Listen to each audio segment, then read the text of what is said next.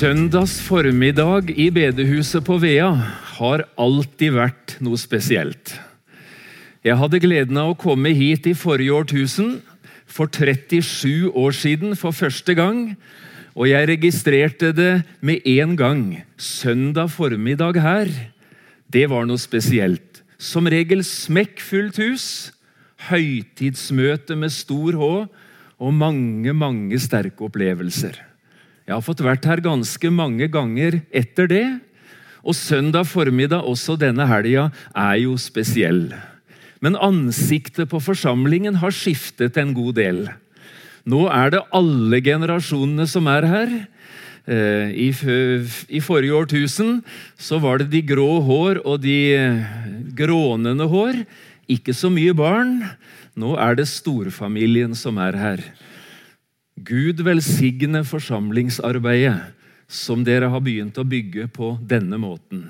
Det er så framtidsretta når det gjelder barnefamilier, og når det gjelder den generasjonen som skal ta stafettpinnen videre. Og så hadde jeg to store opplevelser også i går.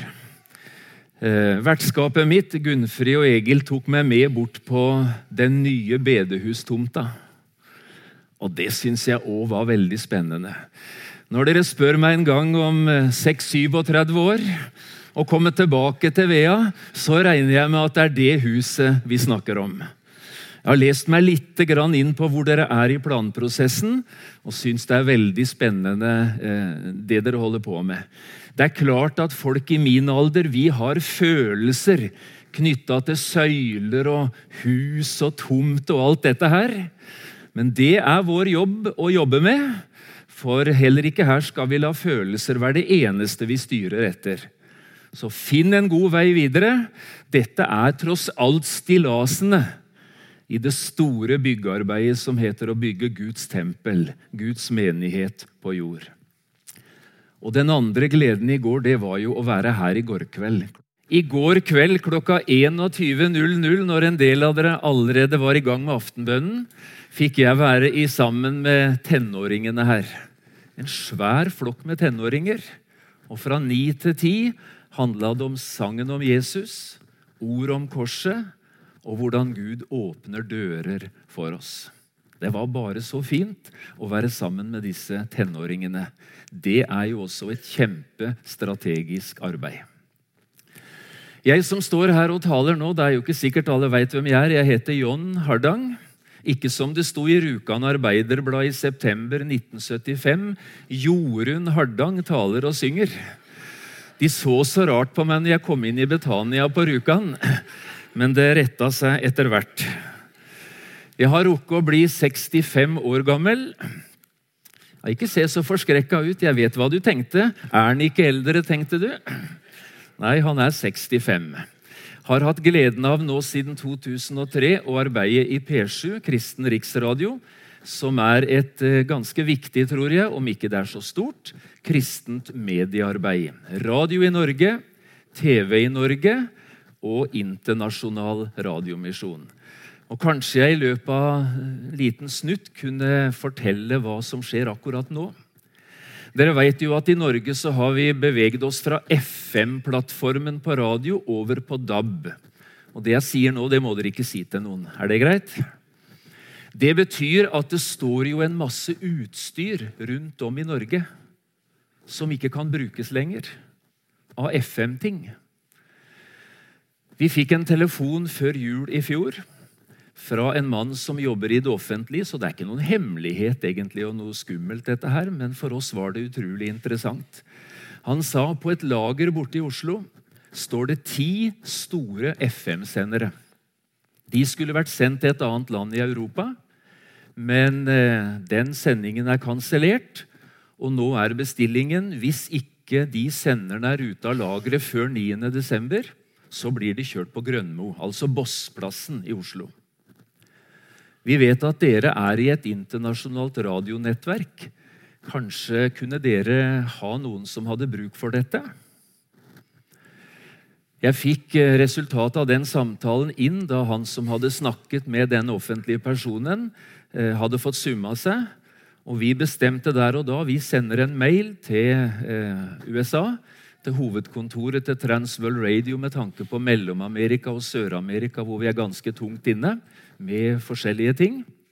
Og så spør vi kan dette brukes. Så gikk det to timer, og så kom første mail. Peru vil ha fire. Mexico ønsker to. Haiti vil ha én. Og Guatemala én. Premisset for leveringen til oss var at det skulle ikke selges, og det skulle ikke settes opp i Norge. Så vi ga det videre til USA. Å få det til Oslo og få det til Haugesund hit, for vi fikk litt hjelp av noen flinke folk her i området. Og videre til USA og med tog inn til staten Indiana. Det koster oss 120 000 kroner. Det er på plass så fikk vi signaler om at vi trenger eh, helt nye kjølesystemer på disse senderne. Det har en prislapp på 130 000 kroner. Kan dere ta den utgiften også? Nå er disse senderne omtrent på vei til destinasjonene. Og Dagen før jeg kom hit, så kom det en mail fra Kristiansand. Der sto det det var et ektepar som skrev Vi tar de 130 000 kronene. Så det er i orden, det òg. Og jeg tenker hva Jesus kan gjøre med fem brød og to små fisk. Eller ti FM-sendere som er nokså nye, men ikke skal brukes i Norge. Det har vi jo bare en anelse om. Det kan bli mat til tusenvis av mennesker. Nye mennesker som trenger å lære Jesus å kjenne. Det er en liten bit av sånt som vi holder på med. Og jeg er så privilegert at jeg etter å ha fått brukt 20 år i bibelskole Og det er jo like spennende, ikke sant, Kurt? Å arbeide med unge mennesker. Det er en helt fantastisk sak. Og så åpnet Gud for meg en dør til mediene, så jeg har fått leve på tjenestens solside på så mange måter. Og Så sa jeg her på fredagen at eh, når de lokale utgiftene er dekt, så eh, går kollektene denne helga til P7. Så fikk jeg et signal etterpå glem det med de lokale utgiftene. Det tar vi sjøl, så alt som blir gitt denne helga, det velsigner vi dere i P7 med. Og med det har jeg lyst til å si tusen takk for det som er gitt til dette viktige radioarbeidet. Det er ikke istedenfor det vi gjør et sted som dette, men det er i tillegg til. Så skal jeg lese den bibelteksten som er den siste av de tre tekstene vi leser denne helga. Og den første teksten for dere i bedehusforsamlingen, for det er jo dette dere skal lese nå, annenhver uke utover høsten. Vi finner disse ordene i Efeserbrevet 6, og jeg leser det fra den bibelutgaven som jeg bruker mest, Norsk bibel. Før jeg nå leser, har jeg lyst til å stille deg et spørsmål. Du skal ikke svare høyt, og jeg kommer ikke til å si noe mer. Det er bare for å utfordre deg på en tanke. Hører du forskjellen på disse to måtene å si det på? Jesus hjalp meg. Jesus er min hjelp.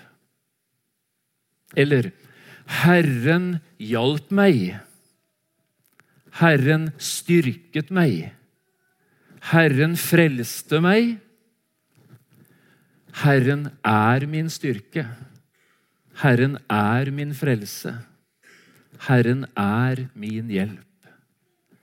Hører du forskjell? Det første, det er strålende. Det siste, det er det aller beste. Herren er min styrke. Og hør nå hva Paulus skriver til menigheten i Efesos, kapittel 6, fra vers 10. For øvrig, bli sterke i Herren og i Hans veldige kraft. Ta på dere Guds fulle rustning, så dere kan holde stand mot djevelens listige angrep. For vi har ikke kamp mot kjøtt og blod, men mot maktene, mot myndighetene, mot verdens herskere i dette mørket, mot ondskapens ånde her i himmelrommet. Ta derfor Guds fulle rustning på, så dere kan gjøre motstand på den onde dag og bli stående etter å ha overvunnet alt. Stå da ombundet med sannhetens belte om livet, og vær iført rettferdighetens brynje. Ha som sko på føttene den beredskap som fredens evangelium gir. Grip framfor alt troens skjold, som dere kan slukke alle den ondes brennende piler med. Ta frelsens hjelm og åndens sverd, som er Guds ord. Be til enhver tid i ånden, med all bønn og påkallelse. Vær årvåkne i dette med all utholdenhet i bønn for alle de hellige og be også for meg at det må bli gitt meg ord når jeg åpner min munn, så jeg med frimodighet kan kunngjøre evangeliets mysterium. For det er jeg sendebud i lenker. Slik kan jeg være frimodig i ham og tale som jeg bør. Slik lyder Herrens ord.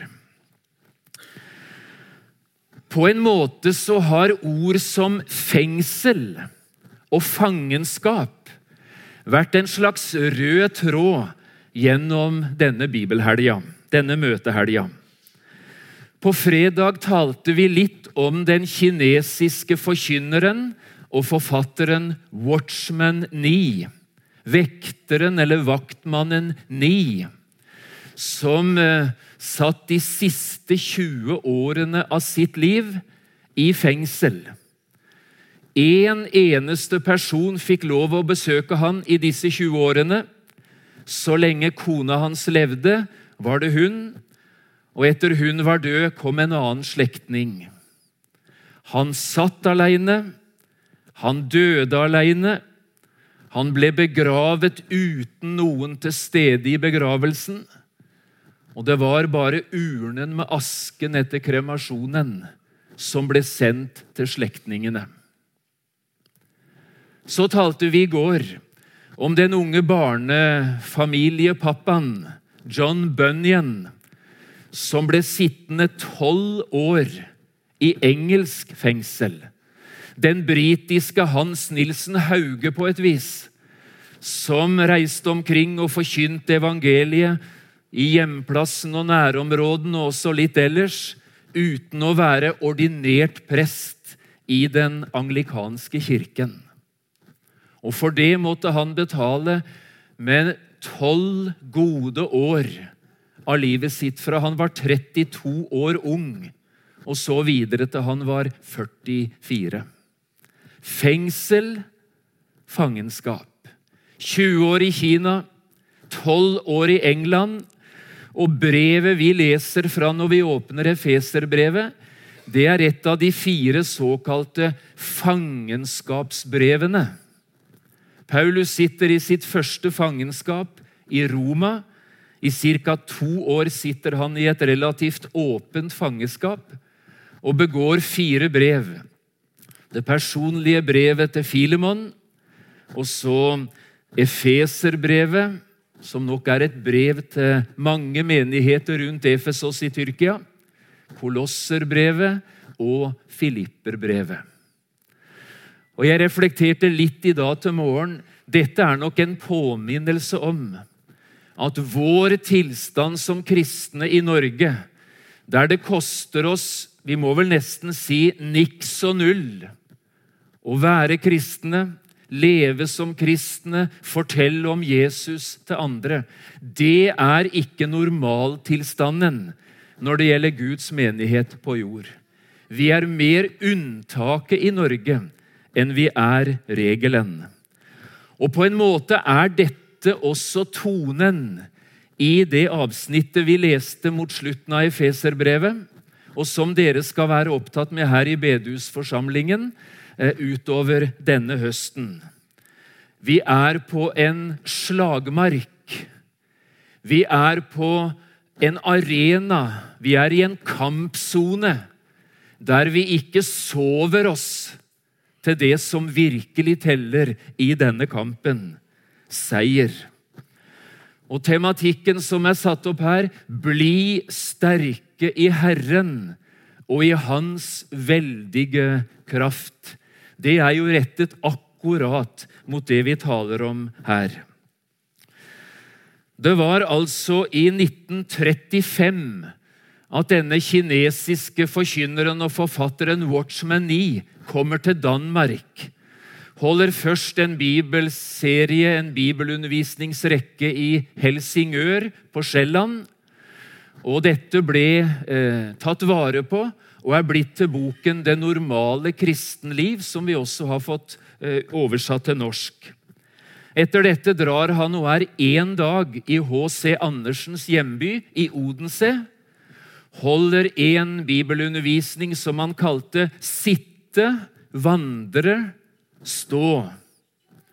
Og det ble til denne vesle saken her, som jeg har arvet etter min far, som gikk bort i 1969.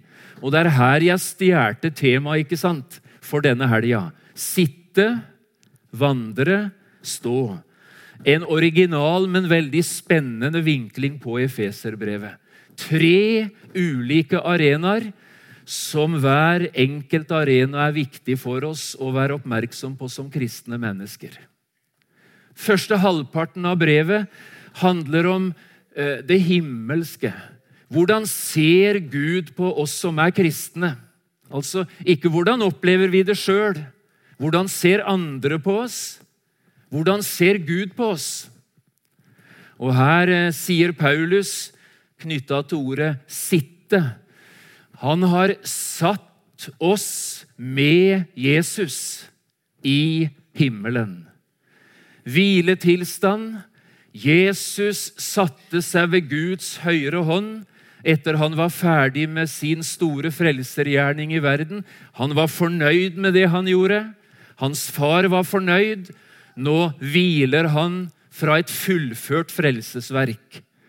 Og På samme måten sier Paulus til oss i Efeserbrevet nå må også du hvile i det Jesus har gjort. Det vil gi deg kraft og styrke. Når du slipper å bruke krefter og energi på å behage Gud, det er i orden. Da holder det Jesus har gjort. Da kan du bruke kreftene dine til helt andre ting. Og Så kommer kapittel 4 og 5 og litt ut i kapittel 6, hvor vi får høre om omgivelsene våre som kristne her i verden. Vi er som John Bunyan skriver, vi er pilegrimer på vandring. Vi møter dalene og toppene, mørke ting og lyse sletter. Alt det som livet møter mennesker med. Men vi møter det ikke alene.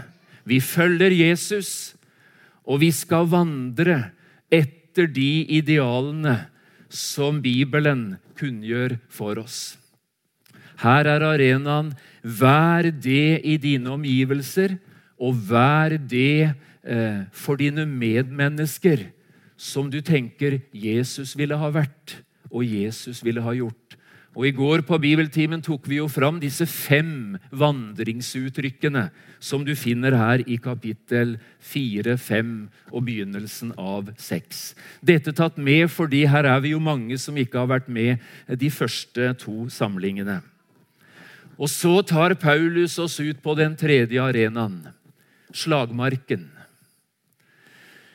Vi har ikke kamp mot kjøtt og blod vår motstander, vår fiende, er langt farligere enn det som heter mennesker. Det handler om makter, mot myndigheter, mot verdens herskere i dette mørket, mot ondskapens ånde her i himmelrommet.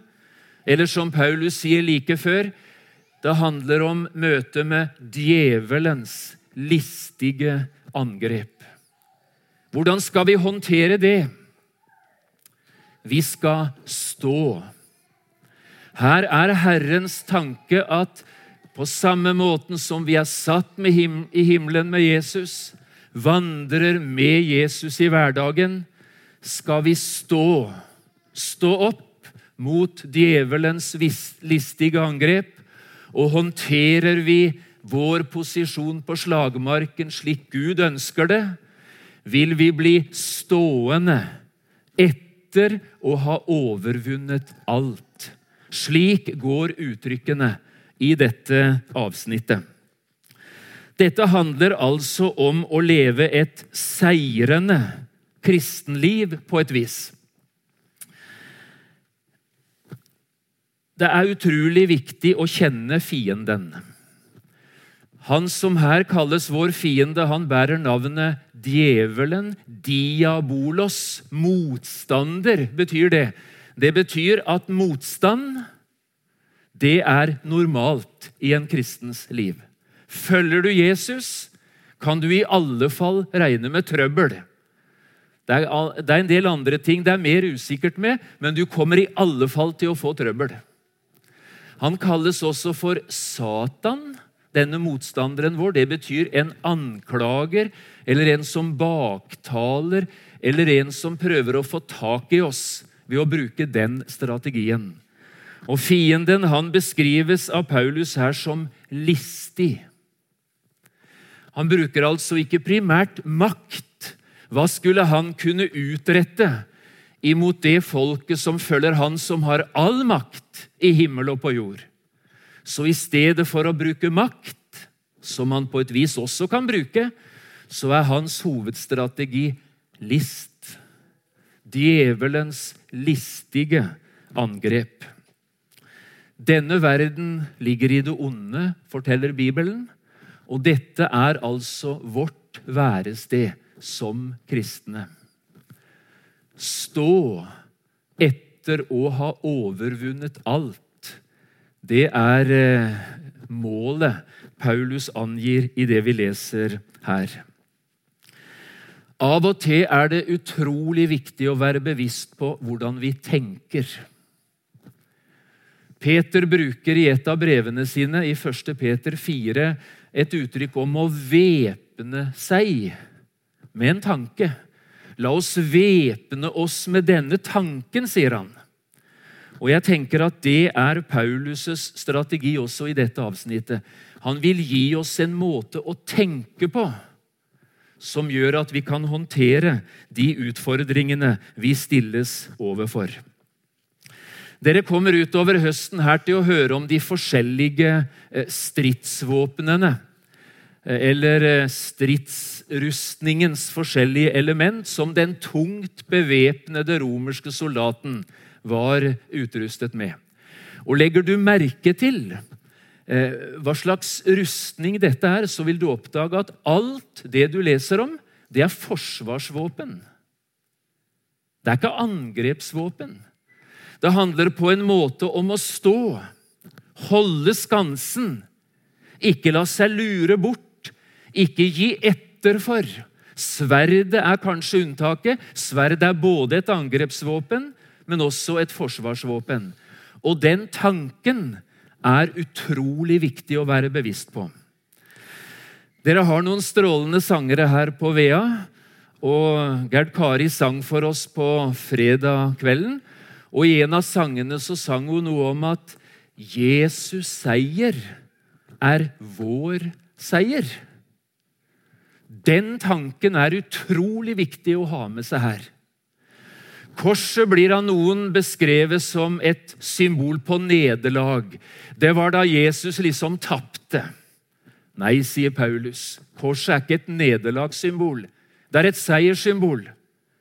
Og Så sier han i Kolosserne 2,15 han avvæpnet maktene og myndighetene, viste dem fram til spott og spe, da han viste seg som seierherre over dem på korset. Hør nå. Din fiende er en beseiret fiende. Det vet himmelen, og det vet djevelen. Og det er det utrolig viktig at også du og jeg vet. At vi væpner oss med den tanken. Det er ikke han som er sterkest, som angriper oss, som vil nekte oss himmelveien, og som vil rote det til for oss i livet. Han er faktisk en beseiret fiende. Og vi kjenner Han som er sterkere. Og vi ikke bare kjenner Han, men Kristus vil bo ved troen i våre hjerter. Væpne deg med den tanken. Jesus har seiret. Hans seier er vår seier.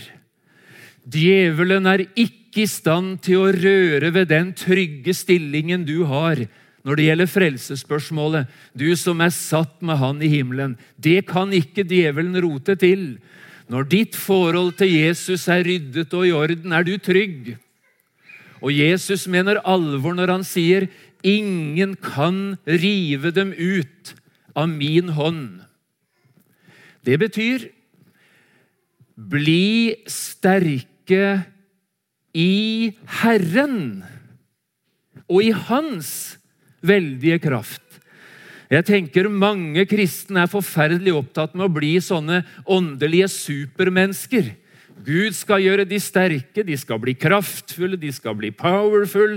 De skal liksom bli sånne skikkelige muskelbunter på den åndelige arenaen. Det er ikke det det handler om. Det handler om at jeg som den jeg er, skal få lov å nyte fruktene av og eie tryggheten i at jeg er hos Han som er den sterkeste. Hans seier er min seier. Væpne dere ved den tanken. Er det noen her som ikke vet hvem som skal spille fotballandskamp i kveld? Ja, Det er kanskje noen som Ja, se det. Det er lurt å gå på formiddagssamling på Vea, for da får du bli oppdatert på landskampsskalaen. Norge skal jo til Stockholm og møte Sverige. Husker dere åssen det gikk forrige gang? Vi leda 2-0.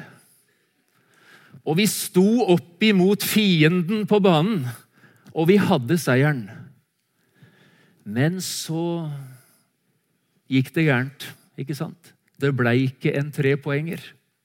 Vi hadde seieren inne, men vi sto ikke andreomgangen ut. Bli sterke i Herren og i Hans veldige kraft. Og så vil du, når du går løs på dette avsnittet som dere skal jobbe med, finne noen slike strålende tanker som det er viktig å væpne seg med. Du vil utover høsten få høre om rustningskammeret. Det stedet hvor du skal ta Guds fulle rustning på. Rustningskammeret er bønnerommet. Gjør alt dette i bønn. Sånn lyder det i avslutningen av dette avsnittet. Bli sterke i Herren og i Hans veldige kraft. Hva er bønnerommet for noe? Det er det stedet der jeg pleier fortrolig fellesskap med Han som er seieren. Med Han som har løftene, Han som ser meg, og som vil ta vare på meg.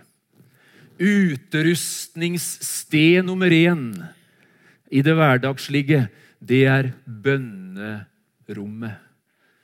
Og djevelens listige angrep er jo annet dette. Jeg vil gjøre alt jeg bare kan for å rote hverdagen til for deg så du ikke får tid eller prioriterer det å be. Har du møtt de angrepene?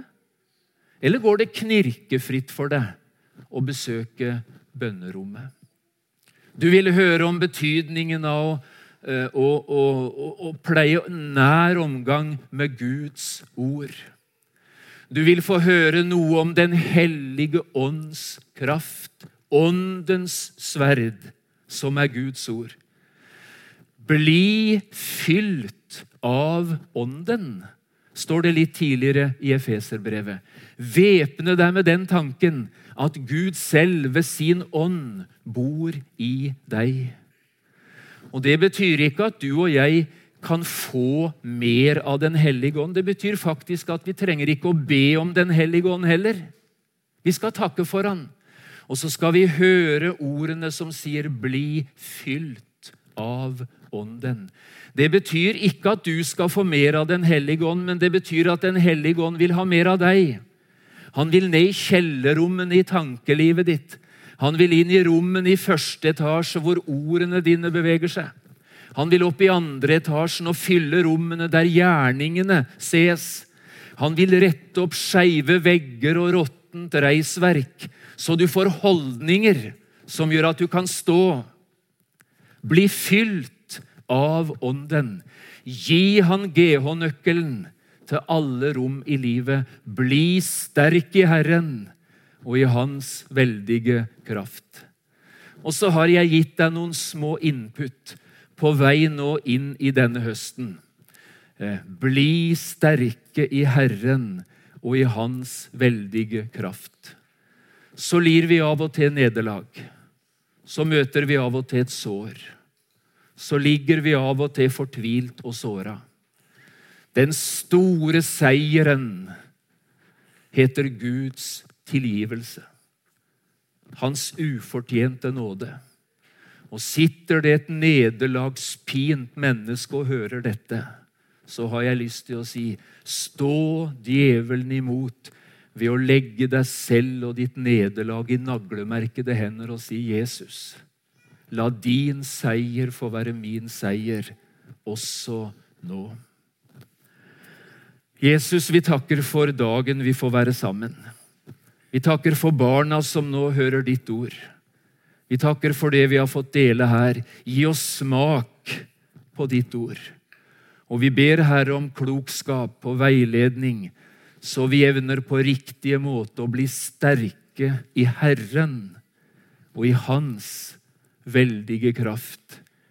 Det er ikke sterke kristne Jesus, men det er en seirende frelser det handler om. Åpne øynene våre konkret for hva det betyr. Amen.